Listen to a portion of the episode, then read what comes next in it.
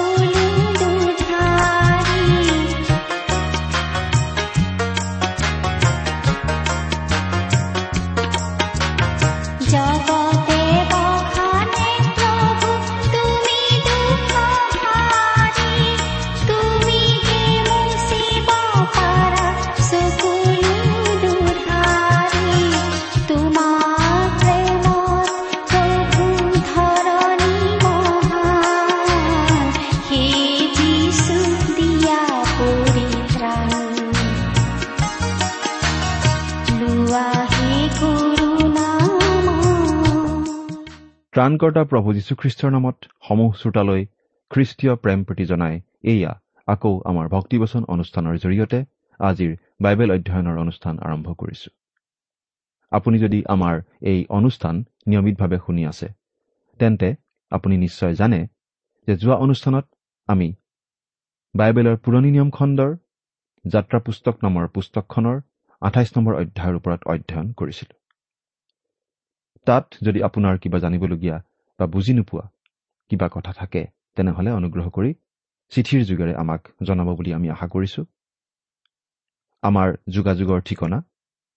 ভক্তিবচন T W R India ডাক বাকচ number সাত শূন্য গুৱাহাটী সাত আঠ এক শূন্য শূন্য এক। ভক্তিবচন T W R India postbox number seventy Guwahati seven eight one zero' zero' one আমাৰ website W W W dot radio' eight eight two dot com আজি আমি এই যাত্ৰা পুস্তকৰ ঊনত্ৰিশ নম্বৰ অধ্যায়টো অধ্যয়ন কৰিম।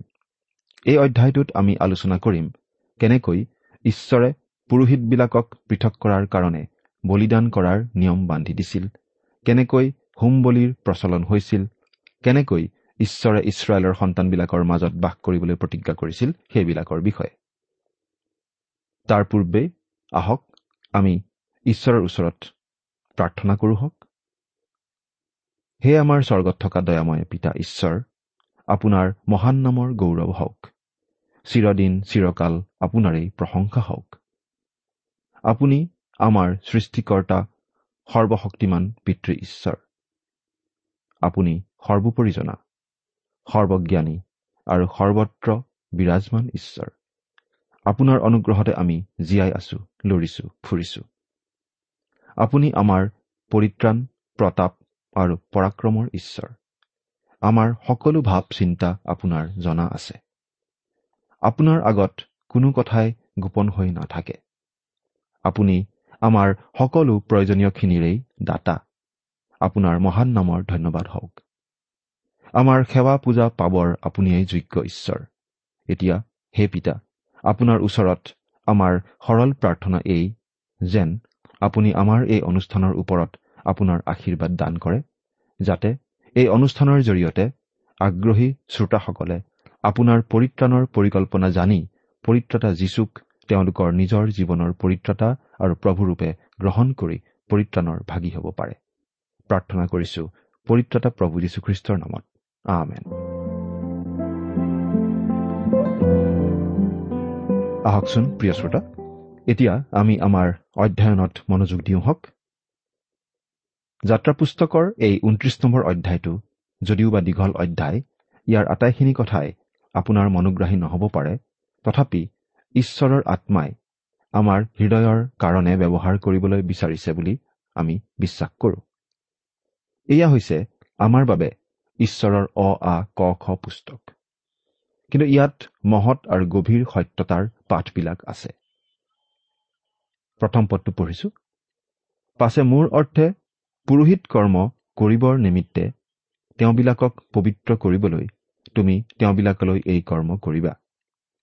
এটা নিঘুনি দমৰা গৰু আৰু দুটা মতা মেৰ ল'বা।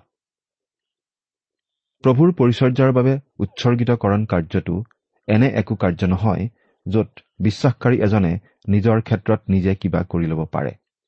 কিন্তু এয়া হৈছে এনে কাৰ্য যিটোক ঈশ্বৰে আমাৰ কাৰণে কৰে। এইটো আমাৰ পৰিত্ৰতা প্ৰভু যীশুখ্ৰীষ্টই সমাপন কৰা কাৰ্যৰ ওপৰত নিৰ্ভৰ কৰে। ই তাৰ ওপৰত নিৰ্ভৰশীল হ'বই লাগিব। আমাক উদ্ধাৰ কৰিবলৈ নিজকে নিঘুনি মতা মেৰৰ দৰে তেওঁ নিজকে বলি হিচাপে আগবঢ়ালে। তেওঁ আমাৰ পাপবোৰ ক্ষমা কৰি নিজৰ তেজেৰে প্ৰায়চিত্ৰ কৰিলে। তেওঁত যিজনে বিশ্বাস কৰিব তেওঁৱেই সেই মুক্তিৰ অধিকাৰী হ'ব। কিয়নো তেওঁ নিজৰ বহুমূলীয়া তেজ বোৱাই গোটেই জগতকে সূচী কৰিলে যাতে যিকোনোৱে তেওঁত বিশ্বাস কৰে তেওঁ নষ্ট নহয় কিন্তু অনন্ত জীৱন পায়। সেইকাৰণেই ঈশ্বৰে তেওঁক জগতলৈ পঠালে। এতিয়া আৰু মুচিৰ বিধানৰ দৰে গৰু মেৰ নাইবা চাগ বলিদানৰ কোনো আৱশ্যক নাই। এতিয়া আৰু সেই বলিদান ঈশ্বৰে গ্ৰহণ নকৰে কাৰণ সেই বলিদানতকৈ অতি উত্তম বলিদান দি আমাৰ প্ৰভু যীশুখ্ৰীষ্টই এবাৰতেই সকলোকে প্ৰায়চিত্ৰ কৰি উদ্ধাৰ কৰিলে। তেওঁক বিশ্বাস কৰিলেই আমাৰ পাপৰ পৰা আমি উদ্ধাৰ পাওঁ। উদ্ধাৰৰ কাৰণে আমাৰ আৰু কোনো কাৰ্য কৰিবলগীয়া নাই। আছে মাথোন তেওঁক বিশ্বাস কৰি তেওঁত আজ্ঞা মানি চলাৰ দায়িত্ব। দুই নম্বৰ পদৰ পৰা চাৰি নম্বৰ পদ। আৰু খমিৰ নিদিয়া পিঠা কেইটামান তেল মিহলোৱা খমিৰ নিদিয়া বিন্ধা থকা পিঠা কেইটামান আৰু তেল ঢলা খমিৰ নিদিয়া পাতল চাকলীয়া পিঠা কেইটামান ল'বা। সেইবোৰ মিহি আটাগুৰিৰে সাজিবা আৰু এটা খৰাহীত সেইবোৰ ৰাখিবা। আৰু খৰাহীয়ে সৈতে সেইবোৰ দমৰা গৰুটো আৰু মেৰ দুটা আনিবা। আৰু হাৰুণক আৰু তেওঁৰ পুত্ৰবিলাকক সাক্ষাৎ কৰা তম্বুৰ দুৱাৰমুখলৈ আনি গা ধুৱাবা। এই গা ধুওৱা কাৰ্যটো হৈছে নতুন বংশলৈ পৰিৱৰ্তন কৰাৰ নিচিনা কাৰ্য। তীতৰ তিনি নম্বৰ অধ্যায় পাঁচ নম্বৰ পদত কৈছে কিন্তু তেওঁ নিজ দয়া অনুসাৰে নতুন জন্মৰ স্নান আৰু পবিত্ৰ আত্মাই নতুন কৰাৰ দ্বাৰাই আমাৰ পৰিত্ৰাণ কৰিলে। ইয়াত উল্লেখিত গা ধোৱা ব্যৱস্থাটো নতুন জন্ম লোৱাৰ কথাকেই বুজাইছে। যেতিয়া কোনোৱে যীশুখ্ৰীষ্টত বিশ্বাস কৰে তেতিয়া তাৰ সাক্ষ্যস্বৰূপে বিশ্বাসৰ বাপ্তিস্ম লোৱাৰ দৰকাৰ হয়। এতিয়া এই বাপ্তিস্ম বিশ্বাস নকৰা লোক এগৰাকীৰ বাবে একেবাৰে অৰ্থহীন কথা। কিন্তু বিশ্বাসকাৰী এজনৰ বাবে হলে অতি দৰকাৰী কথা। সেয়েহে বিশ্বাসকাৰীসকলে নতুন জন্ম লাভ কৰাৰ চিনস্বৰূপে বাপ্তিস্মৰ ব্যৱস্থা ঈশ্বৰেই স্থাপন কৰিছিল। সেয়েহে পুৰোহিতবিলাকৰ অভিষেক কৰাৰ কাৰণে উৎসৰ্গ কৰিবলৈ আনা বলিৰ গৰু আৰু মেয়াৰবিলাকক গা ধুৱাবলৈ ঈশ্বৰে আজ্ঞা দিছিল। এতিয়া চাওক ঈশ্বৰে মুচিক হাৰুণ আৰু তেওঁৰ সৈতে পৰিচৰ্যাকাৰী পুৰোহিতবিলাকৰ গাত পুৰোহিতৰ বাবে বিশেষ ধৰণে তৈয়াৰী কৰা বস্ত্ৰ পিন্ধাবলৈ আজ্ঞা দিছিল। পাঁচ পদৰ পৰা ন নম্বৰ পদ পঢ়ি দিছো। পাছে সেই বস্ত্ৰবোৰ লৈ হাৰুণক অংগৰক্ষক বস্ত্ৰ এফুডৰ চোলা এফুড আৰু বুকুপতা পিন্ধাবা। আৰু এফুডৰ নিপুণৰূপে বোৱা কঁকালি কাপোৰ তেওঁৰ কঁকালত বান্ধিবা। আৰু তেওঁৰ মূৰত পাগ পিন্ধাই তাৰ ওপৰত মুকুটস্বৰূপে সেই পবিত্ৰ পতা লগাবা। পাছে তুমি অভিষেক আৰ্থক তেল লৈ তেওঁৰ মূৰৰ ওপৰত ঢালি তেওঁক অভিষেক কৰিবা। আৰু তুমি তেওঁৰ পুত্ৰবিলাকক আনি অংগৰক্ষক বস্ত্ৰ পিন্ধাবা। আৰু হাৰুণ আৰু তেওঁৰ পুত্ৰবিলাকৰ কঁকালত টঙালি বান্ধিবা। আৰু তেওঁবিলাকৰ মূৰত পাগুৰি মৰাই দিবা। তাতে পুৰোহিত পদত তেওঁবিলাকৰ অধিকাৰ থাকিবলৈ এক চিৰস্থায়ী বিধি হ'ব। এইদৰে তুমি হাৰুণ আৰু তেওঁৰ পুত্ৰবিলাকক পুৰোহিত পদত নিযুক্ত কৰিবা। অভিষেক কৰা ঈশ্বৰৰহে কাম মানুহে তাত একো কৰিব নোৱাৰে। আজিকালি আমি বহুত অভিষেক কাৰ্য সেৱা মণ্ডলীবিলাকে আয়োজন কৰা দেখিবলৈ পাওঁ য'ত কিছুমান কাম কৰিবলৈ কোনো কোনো মানুহে প্ৰতিজ্ঞা কৰে। বহুতেই ঈশ্বৰৰ ওচৰত ডাঙৰ কাম কৰিবলৈ প্ৰতিজ্ঞা কৰে কিন্তু সেই প্ৰতিজ্ঞা কেতিয়াও ৰাখিব নোৱাৰে। সেইটো যে ঠিক অভিষেককৰণ সেইটো আমাৰ হলে মনে নধৰে। কাৰণ এনে অভিষেককৰণত যি প্ৰতিজ্ঞা কৰা হয় তাকে মানুহৰ আগতহে কৰা হয়। ঈশ্বৰৰ প্ৰতিজ্ঞা কৰা হলেও প্ৰতিজ্ঞাৰ দৰে কিন্তু কাম কৰিব পৰা নহয়। গতিকে অভিষেককৰণ কাৰ্য ঈশ্বৰে তেওঁলোকক লৈ কৰিব পাৰে যিসকলে খালী হাতে আহে।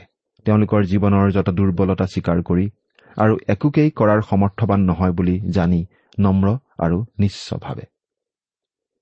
যেতিয়া আমি আমাৰ অসমৰ্থ অৱস্থা স্বীকাৰ কৰি তেওঁৰ ওপৰত সম্পূৰ্ণ নিৰ্ভৰ কৰি চলিলেই তেওঁ আমাক তেওঁৰ কাৰ্যত অভিষেক কৰি ল'ব পাৰে। যদি আপুনি পুৰণি নিয়মৰ মুচি এলিয়া ডায়ুদ আৰু চমুৱেলৰ প্ৰাৰ্থনা আৰু নতুন নিয়মৰ পাচনি পৌলৰ প্ৰাৰ্থনাৰ সম্পৰ্কে চায় তেনেহলে তাত দেখিব যে এই মান্যবৰ লোকসকলে ঈশ্বৰৰ ওচৰলৈ তেওঁলোক কোন আছিল কেনেকুৱা আছিল নাইবা কি প্ৰতিজ্ঞা কৰিব পাৰিছিল সেই ভিত্তিত অহা নাছিল। বহুতো গীৰ্জাৰ অভিষেক কাৰ্যত দেখা পোৱা যায় যে মানুহে ঈশ্বৰৰ গুৰিত ডাঙৰ ডাঙৰ প্ৰতিজ্ঞা কৰে। কিন্তু প্ৰতিজ্ঞাৰ দৰে জানো কোনোবাই কেতিয়াবা কাম কৰিব পাৰে? যদি নোৱাৰে ঈশ্বৰৰ আগত ফাঁকি মৰা নহয়নে? ঈশ্বৰক জানো মানুহে ফাঁকি দিব পাৰে। মানুহে সেইদৰে প্ৰতিজ্ঞা কৰা বহু দেখিবলৈ পোৱা গৈছে কিন্তু কাম কৰা দেখা নাই। আচলতে আমি ঈশ্বৰৰ ওচৰত বৃথা প্ৰতিজ্ঞা কৰোঁ যি প্ৰতিজ্ঞাৰ কোনো অৰ্থই নাই। ঈশ্বৰে জানে যে আমি দুৰ্বল আৰু ঈশ্বৰক আমি একো দিব নোৱাৰো। যদিহে আমাক ঈশ্বৰে শক্তিদান নকৰে। আমি যদি তেওঁৰ ওচৰত খালী হাতে আহোঁ আৰু নম্ৰতাৰে প্ৰাৰ্থনা কৰোঁ তেন্তে তেওঁ আমাক নিজে অভিষেক কৰে আৰু সকলো বিষয়তে আশীৰ্বাদ কৰে। হাৰুণ আৰু হাৰুণৰ পুত্ৰসকলে পুৰোহিতৰ কাৰ্য কৰিবলৈ মনোনীত হৈছিল আৰু তেওঁলোকক মহা আড়ম্বৰেৰে অভিষেক কৰিবলৈ ঈশ্বৰে মুচিক আজ্ঞা দিছিল। হাৰুণৰ গাত পুৰোহিতৰ কাৰণে যুগুত কৰা বিশেষ বস্ত্ৰ পিন্ধোৱা হৈছিল। কঁকালত টঙালি আৰু মূৰত পাগুৰি মাৰি প্ৰভুৰ পৰিচৰ্যা কৰিবলৈ তেওঁলোকক কোৱা হৈছিল। তেওঁলোকে নিজৰ পৰা একো দিব নালাগিছিল। দহ নম্বৰ পদ। পাছে তুমি সাক্ষাৎ কৰা তম্বুৰ সন্মুখলৈ গৈ দমৰা গৰুটো আনিবা। তেতিয়া হাৰুণ আৰু তেওঁৰ পুত্ৰবিলাকে গৰুটোৰ মূৰত হাত দিব। প্ৰধান পুৰোহিত আৰু তেওঁৰ পৰিয়ালে দমৰা গৰুটোৰ ওপৰত হাত দিব লাগিছিল। কাৰণ দমৰা গৰুটোৱে তেওঁলোকৰ স্থান লোৱাক বুজাইছিল। কিন্তু আজি এনে বহু খ্ৰীষ্টীয় লোক আছে যিসকলে ভাবে এনেদৰে হাত দিয়াৰ ফলত কিবা যাদুকৰী বা আধ্যাত্মিক প্ৰভাৱেৰে প্ৰভাৱিত হয়। হাত দিয়াৰ সেইটো উদ্দেশ্যই নহয়। হাত দিয়াৰ দ্বাৰাই কিবা যদি আপুনি পাৰ কৰি দিব পাৰে সেইটো হ'ব ৰোগৰ বীজাণু। দমৰাটোৰ মূৰত হাত দিয়াৰ অৰ্থ আছিল সদৃশকৰণ অৰ্থাৎ যি পাপী বেদীটোৰ ওচৰলৈ আহে আৰু দমৰাটোৰ মূৰত হাত থয় তেতিয়া তাৰে এইটো দেখুওৱা হয় যে দমৰাটোৱে সেই পাপীজনৰ স্থান লৈছে। কোনো বিশ্বাসকাৰী এজনক প্ৰভুৰ পৰিচৰ্যাৰ কাৰণে পৃথক কৰিবলৈ তেওঁৰ গাত হাত দি প্ৰাৰ্থনা কৰি পঠোৱা হয়। আমি আমাৰ মণ্ডলীসমূহত এনেধৰণৰ অভিষেককৰণ কাৰ্যসূচী প্ৰায়েই অনুষ্ঠিত কৰোঁ যেতিয়া কোনো এজনক মিছনেৰী বা শুভবাৰ্তা প্ৰচাৰক পদত নিযুক্তি দিয়া হয় তেতিয়া মণ্ডলীয়ে তেওঁৰ মূৰত হাত দি প্ৰাৰ্থনা কৰি দিয়া হয় আৰু শুভবাৰ্তা প্ৰচাৰ কৰিবলৈ পঠোৱা হয়। অৰ্থাৎ মণ্ডলীয়ে সেই অভিষিক্তজনক মণ্ডলীৰ ঠাইত মণ্ডলীৰ হৈ প্ৰভু যীশুখ্ৰীষ্টৰ শুভবাৰ্তা প্ৰচাৰ কৰিবলৈ পঠায়। যদি কোনো এজন বিশ্বাসকাৰীক মিছনেৰী হিচাপে পঠোৱা হ'ব তেতিয়াও তেওঁৰ মূৰত হাত দি প্ৰাৰ্থনা কৰি কোৱা হয় তুমি মানে আমি আৰু আমি মানেই তুমি। যোৱা তুমি কৰ্মক্ষেত্ৰত আমাৰ মণ্ডলীক প্ৰতিনিধিত্ব কৰাগৈ। এই মণ্ডলীৰ হৈ তুমি শুভবাৰ্তা প্ৰচাৰ কৰাগৈ আৰু আমি তোমাৰ কাৰণে প্ৰাৰ্থনাত থাকিম। তোমাৰ সকলো আৱশ্যকীয় বস্তুৰ বাবে টকা পইচাৰ যোগান ধৰাৰ চেষ্টাৰ ত্ৰুটি নকৰিম। হাত দি প্ৰাৰ্থনা কৰাৰ অৰ্থ এয়াহে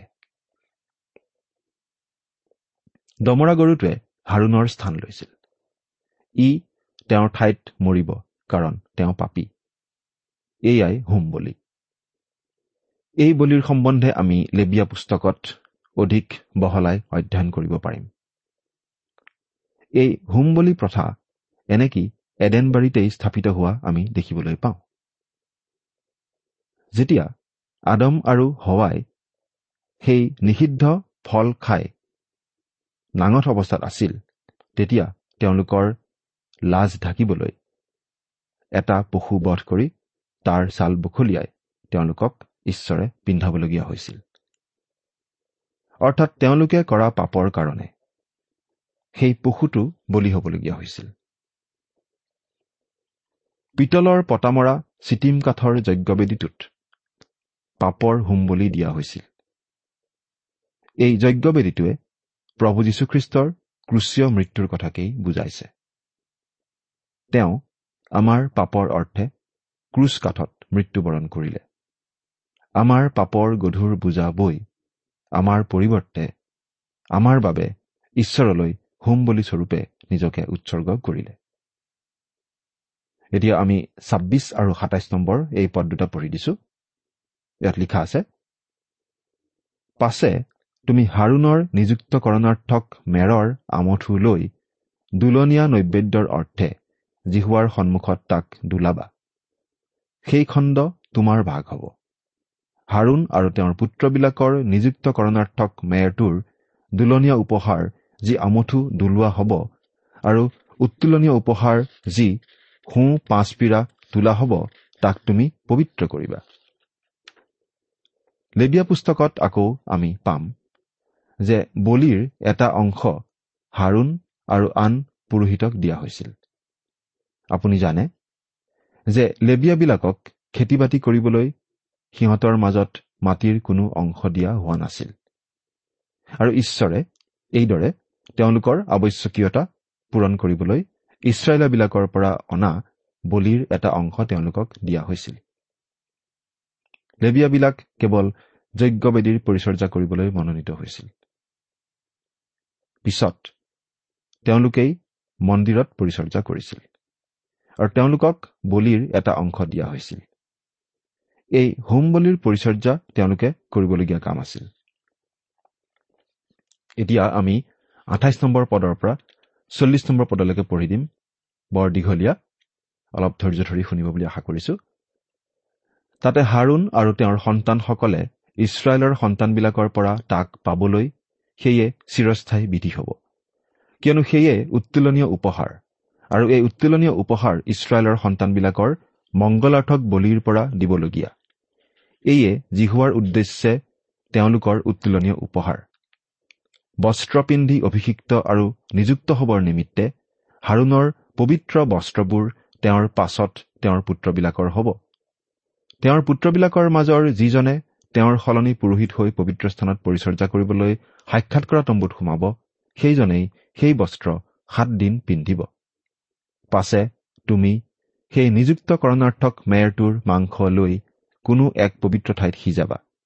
আৰু হাৰুণ আৰু তেওঁৰ পুত্ৰবিলাকে সাক্ষাৎ কৰা তম্বুৰ দুৱাৰমুখত সেই মেৰটোৰ মাংস আৰু খৰাহিত থকা সেই পিঠা ভোজন কৰিব। আৰু নিযুক্ত কৰি তেওঁবিলাকক পবিত্ৰ কৰিবৰ নিমিত্তে যিহেৰে প্ৰায়চিত্ৰ কৰা হ'ব তাক তেওঁলোকে ভোজন কৰিব। কিন্তু আন কোনো লোকে তাক ভোজন নকৰিব কাৰণ সেই সকলো পবিত্ৰ বস্তু। আৰু সেই নিযুক্তকৰণাৰ্থক মাংস আৰু পিঠাৰ পৰা যদি ৰাতিপুৱালৈ কিছু অৱশিষ্ট থাকে তেন্তে সেই অৱশিষ্ট ভাগ জুইত পুৰি ভস্ম কৰিবা। কোনেও তাক ভোজন নকৰিব কিয়নো সেয়ে পবিত্ৰ বস্তু। মই তোমাক দিয়া সকলো আজ্ঞা অনুসাৰে হাৰুণলৈ আৰু তেওঁৰ পুত্ৰবিলাকলৈ সেইদৰে কৰিবা। তেওঁবিলাকক নিযুক্ত কৰোতে সাতদিন নিয়াবা আৰু তুমি প্ৰায়চিত্ৰৰ নিমিত্তে প্ৰতিদিনে পাপাৰ্থক বলিৰূপে এটা এটা দমৰা গৰু উৎসৰ্গ কৰিবা আৰু বেদী প্ৰায়চিত্ৰ কৰি তাক সূচী কৰিবা আৰু তাক পবিত্ৰ কৰিবৰ নিমিত্তে তাক অভিষেক কৰিবা। তুমি বেদী প্ৰায়চিত্ৰ কৰি পবিত্ৰ কৰোতে সাতদিন নিয়াবা। তাতে বেদী অতি পবিত্ৰ হ'ব। যিকোনোৱে বেদী স্পৰ্শ কৰিব তেওঁ পবিত্ৰ হ'ব। সেই যজ্ঞবেদীৰ ওপৰত তুমি এই এই বলি উৎসৰ্গ কৰিবা। তুমি দিনে দিনে সদায় দুটা দুটা এবছৰীয়া মেৰ পোৱালি ল'বা। তাৰে এটা ৰাতিপুৱা আনটো গধূলি উৎসৰ্গ কৰিবা। প্ৰথম মেৰ পোৱালিটোৰ লগত হীনৰ চাৰিভাগৰ এভাগ খুন্দি উলিওৱা তেল মিহলোৱা ঐফাৰ দহ ভাগৰ এভাগ মিহি আটাগুৰি আৰু পেয় নৈবেদ্যৰ নিমিত্তে হীনৰ চাৰিভাগৰ এভাগ দ্ৰাক্ষাৰস দিবা। আমি আকৌ ক'ব খুজিছো লেবিয়া পুস্তকত নিয়মীয়াকৈ সদায় দিবলগীয়া এই হোমবলিৰ বিষয়ে আমি বিতং বিৱৰণ পাম। এই বলিদান প্ৰতিদিনে কৰিবলগীয়া নিয়ম আছিল। এটা মেৰ পোৱালি ৰাতিপুৱা আনটো মেৰ পোৱালি গধূলি বলি উৎসৰ্গ কৰিব লাগিছিল।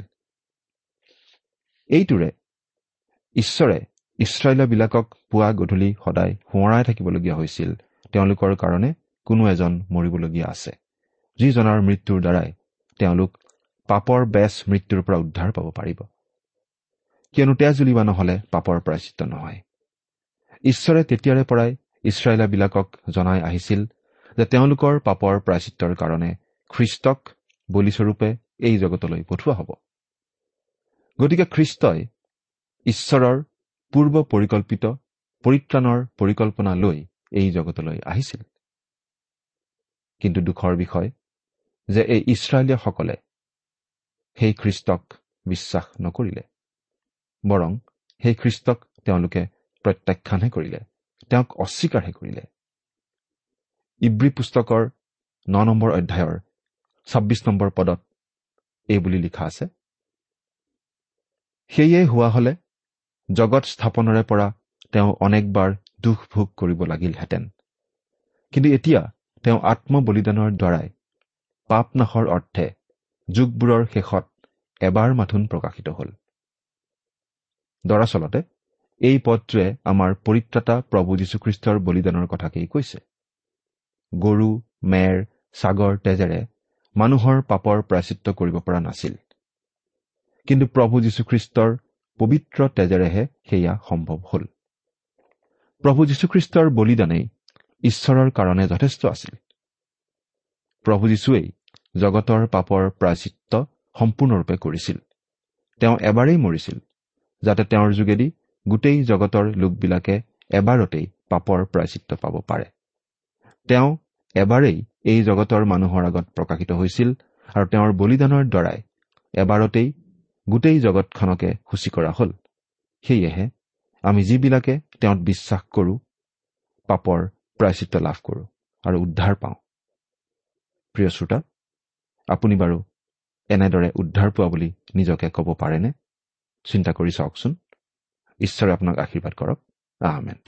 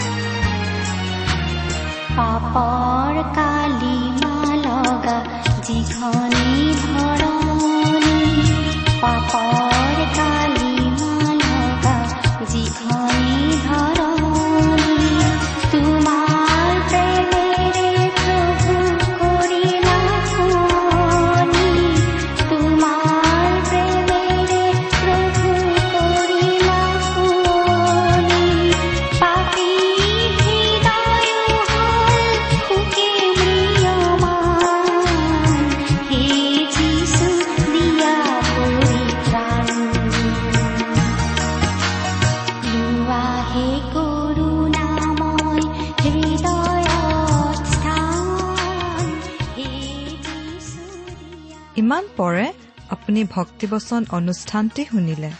এই বিষয়ে আপোনাৰ মতামত জানিবলৈ পালে আমি নথৈ আনন্দিত হ'ম আমি প্ৰস্তুত কৰা বাইবেল অধ্যয়নৰ আন চিডিসমূহ পাব বিচাৰিলেও আমালৈ লিখক। অনুষ্ঠানটি শুনি কেনে পালে আমালৈ চিঠি লিখি জনাবচোন? অনুষ্ঠানত প্ৰচাৰ কৰা কোনো কথা বুজিব লগা থাকিলেও আমালৈ লিখক। আমাৰ ঠিকনা? ভক্তিবচন ট্ৰান্স ৱৰ্ল্ড ৰেডিঅ' ইণ্ডিয়া ডাক বাকচ নম্বৰ সাত শূন্য গুৱাহাটী সাত আঠ এক শূন্য শূন্য এক। ঠিকনাটো আৰু এবাৰ কৈছো ভক্তিবচন ট্ৰান্স ৱৰ্ল্ড ৰেডিঅ' ইণ্ডিয়া ডাক বাকচ নম্বৰ সাত শূন্য গুৱাহাটী সাত আঠ এক শূন্য শূন্য এক। আমাৰ ইমেইল এড্ৰেছটো হৈছে এছএমইজ T T B at the rate radio' eight eight two dot com. আমাৰ ৱেবছাইট ইন আপুনি টেলিফোনৰ মাধ্যমেৰেও আমাক যোগাযোগ কৰিব পাৰে। আমাৰ টেলিফোন নম্বৰটো হৈছে শূন্য তিনি ছয় এক দুই ছয় শূন্য চাৰি ছয় সাত এক। ফোন নম্বৰটো আকৌ এবাৰ কৈছো zero' three six one two six zero' four six seven one. আজিৰ অনুষ্ঠানটি ইমানতে সামৰিছো। ঈশ্বৰৰ শান্তি আৰু অনুগ্ৰহ আপোনাৰ লগত থাকক। ধন্যবাদ।